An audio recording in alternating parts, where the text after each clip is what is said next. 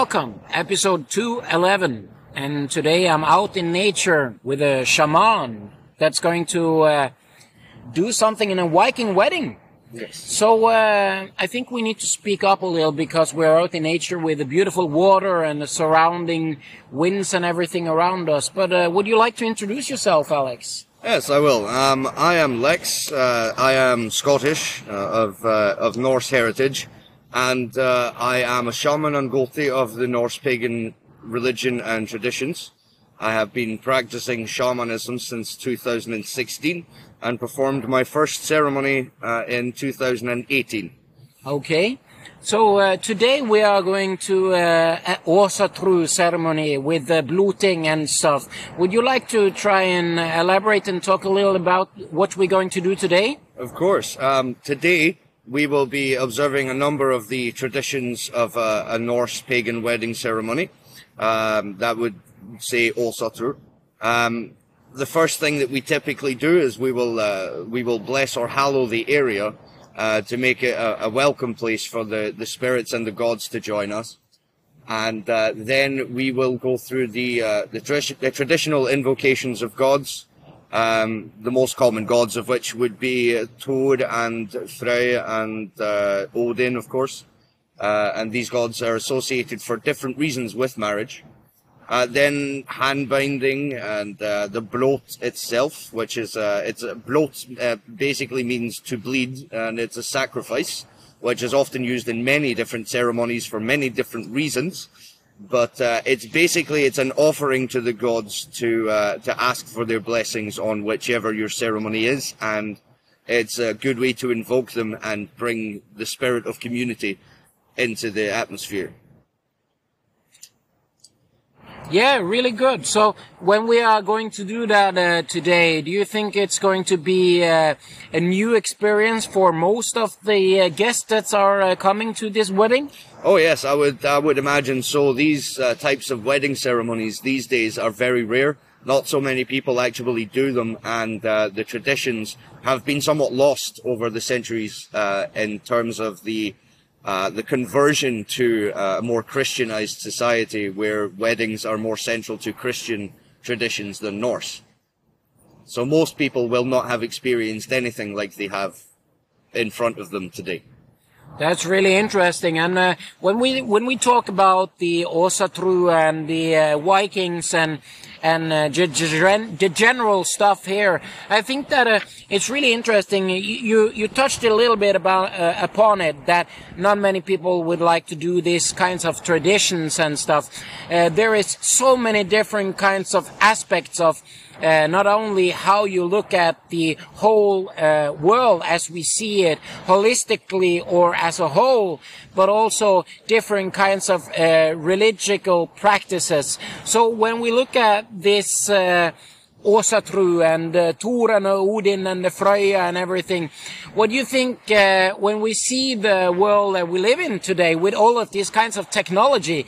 Why do you think it's so interesting and also so impressive to look at people that want to go back to these kinds of traditions? Well, the reason why I personally find it so um, so wonderful is that I think that with the evolution of the different types of technology we have today, we have lost a lot of our connection with both nature and each other.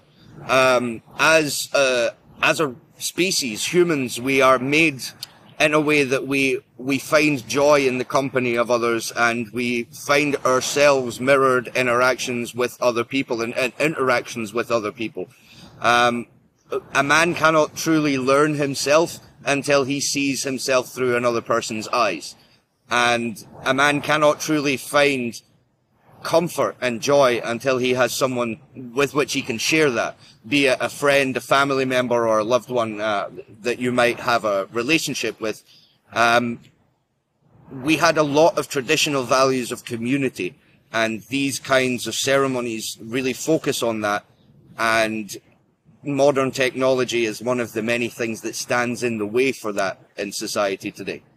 So I love to see it. I love to see people bringing themselves together and, and reflecting on these old traditions and these old times where we were much more reliant on that community and Uh, they, they kind of see more of the benefit when they get to experience the joy that, that is shared in these moments. Uh, because today we find so much, so many different things that feed us uh, temporary joy and um, like a, a short-term release of dopamine that will fade and uh, its consistency is equal to its requirement. We have to continuously absorb these things in order to benefit from them, whereas community it can really lighten a man's heart for years when the right place is found to be home. Yeah, really good set, and I and I really like that. I mean, uh, and and we talked a little bit about it before we start the the start of the recording and the podcast about the the aspects, and you also touched upon it about people have to go into their own mind, their own head, their own silence, their own quietness, their own little space of safety and try to disconnect from all of different kinds of technologies that you are constantly feeding around. Be it the mobile computer known as a cell phone these days, or your TV or your radio or your whatever smart device that you have around yourself so many people will uh, not remember the last time they sit in silence, in darkness, with yeah. their own minds, or with anything in nature for that matter. So I do think that's really interesting. And on that aspects, I would like to hear your thoughts on how you think people can get a more uh, contact with their inner self and get to build the social and the physical strength they all need. I'm glad you mentioned that. Actually, um, yeah, as you said, yes, I did say that um, these uh, technologies are a barrier for community, and we do need community. But much more valuable is the ability to reflect and know yourself.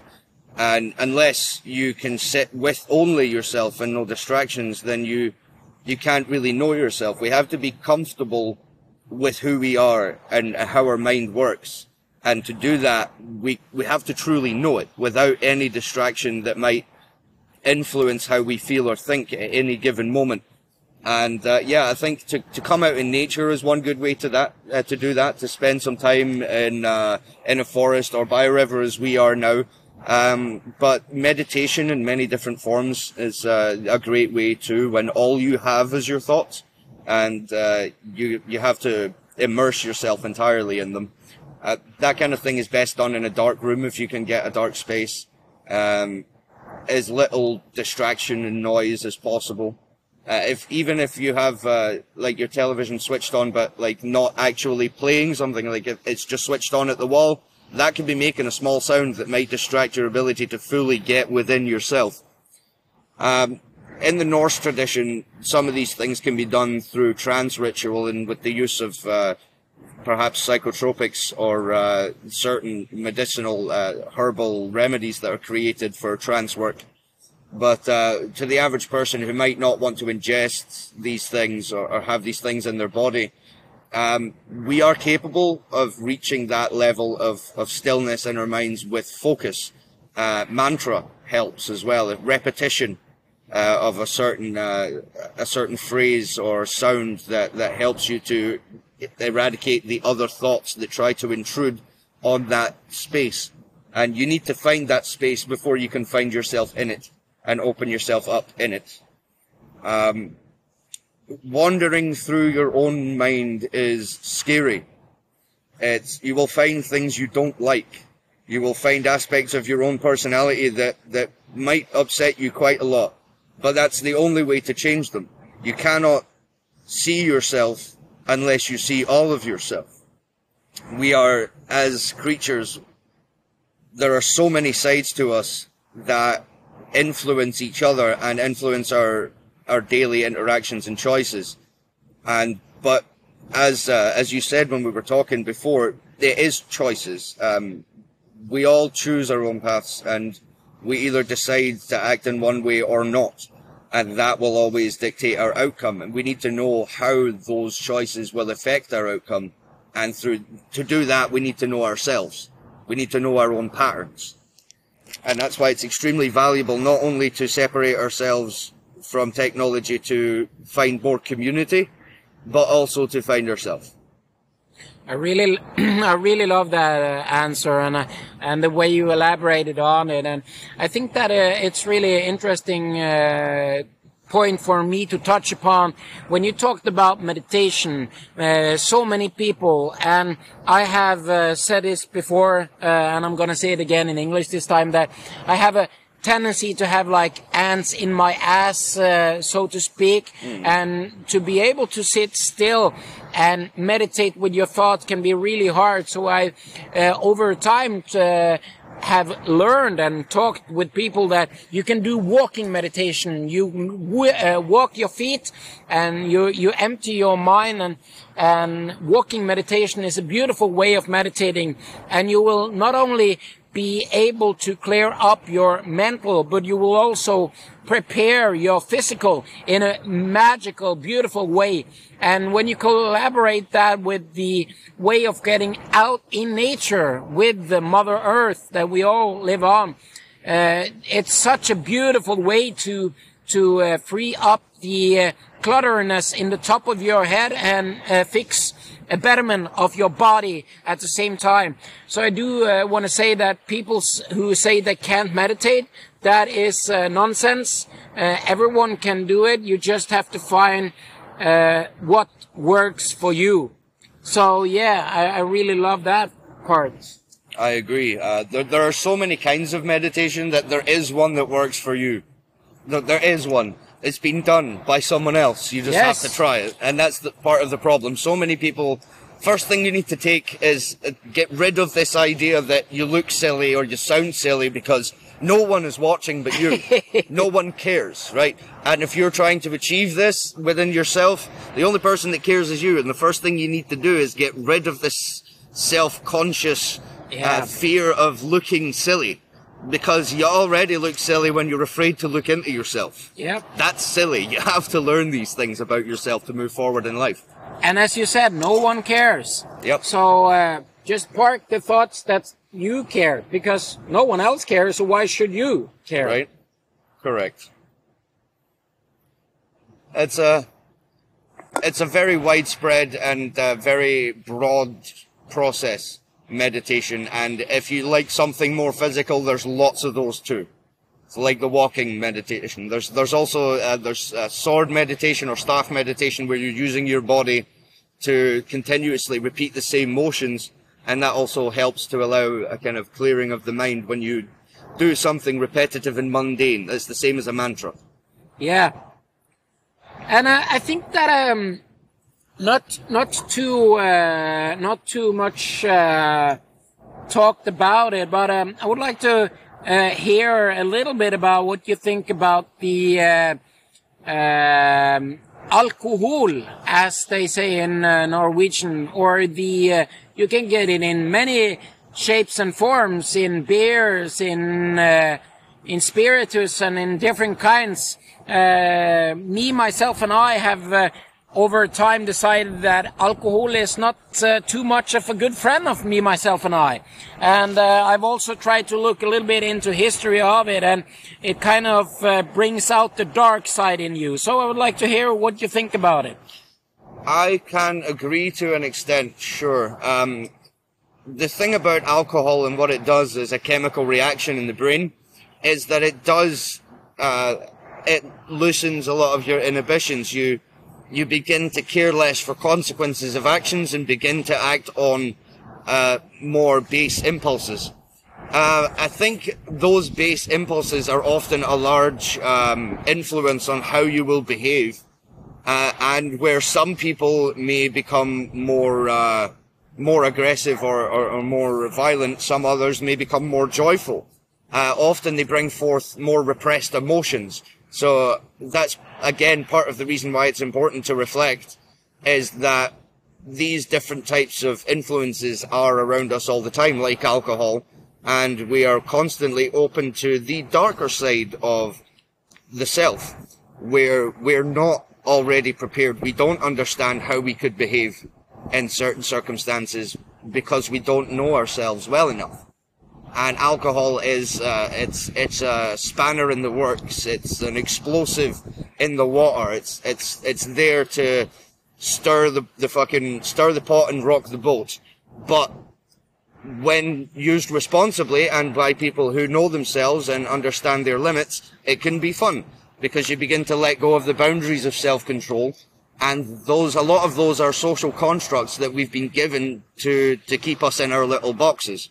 So I think as long as you can responsibly use alcohol and it doesn't bring out the wrong kind of, uh, the wrong kind of lack of control, then do so. But those who those who are aware of the fact that alcohol makes them behave in a certain way need to stop using it as an excuse and Yeah. start understanding why they behave in that way. Because it's not the alcohol; it's only bringing them forward. Yes. These these dark emotions and dark tendencies. I think it's it's a poison and it's uh, a gift in its way.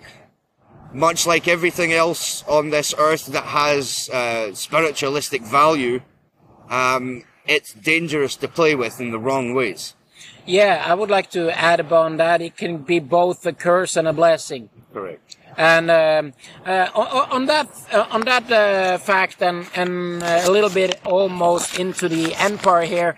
Uh, if you have some good and some uh, bad uh, routines and habits, what would you like to say is a good habit you have and a bad habit? And what is your goal about to change about the good and the bad habit? Well, I smoke a lot. I would say is uh, that's a bad habit of mine. My body is telling me I should stop a long time ago, in fact. Um, and probably the worst habit is leaning on difficulty as an excuse to not tackle that habit. yeah. Um, probably a good habit that I have is that self-reflection that I mentioned before. Is that I am aware, uh, because I've forced myself to become aware that I am making these excuses. Um, my self-reflection has allowed me to identify many of my flaws over the years that I have in turn been able to work on. Um, so that would be my ultimate advice for anyone when it comes to uh, focusing on fixing goals would be the self-reflection required to understand why you haven't already. Because you know that you want to achieve something, but something has stopped you, and it's always you. Yep. There's no doubt in in my mind that it is always you that prevents you from achieving any goal. Yes. Um, you just have to find your own methods to get around your own boundaries, and understanding of the self requires that self-reflection to do that. Yes.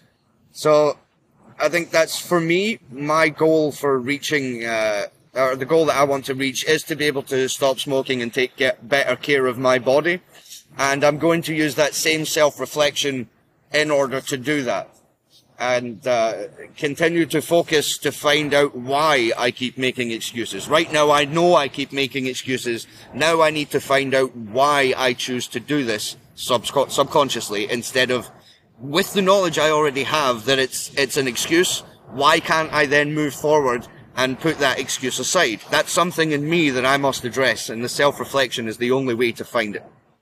Yeah, really, really good. So, uh, all almost uh, at the end here, what is your best tip on the physical, psychical, and the social? Well, I think the the best tip I can I can give for care of the physical self would be to find out find a, a comfortable form of exercise that you enjoy, um, and eat foods that you know that benefit your body instead of harming them. Um, if you can reduce the, the intake of, of uh, certain types of food that you know your body reacts badly to, that's the first step. And then, you know, walk more, swim, cycle, whatever. Just do some things to keep your body active and keep your blood flowing. Um, and that actually is a, a great, uh, a great first step in the, the psychic, the, the mental uh, side of self-care because exercise is something that, that helps us um, fight things like depression and anxiety and routine uh, is, is another great way to maintain a certain sel- sense of self-control over the brain. It's a discipline in itself, maintaining an exercise routine, so that arms you to maintain other routines required for the further improvement of mental health. And finally, social, I think, is most important that you always reflect on how these choices that you make for self-improvement will impact your life around you and those involved in that life. Um, it's all fair and well to uh, want to go and improve yourself, and I'm going to go and, and run a hundred marathons, and uh, and I'm going to go and uh, work with a million charities to to feel better about you know my body and my life. But think about who you might be leaving behind. Think about um, what you might have to do in order to achieve these goals along the way, and who may suffer for this. Uh, it's important to always be mindful of the people directly involved in your life and how your choices impact them.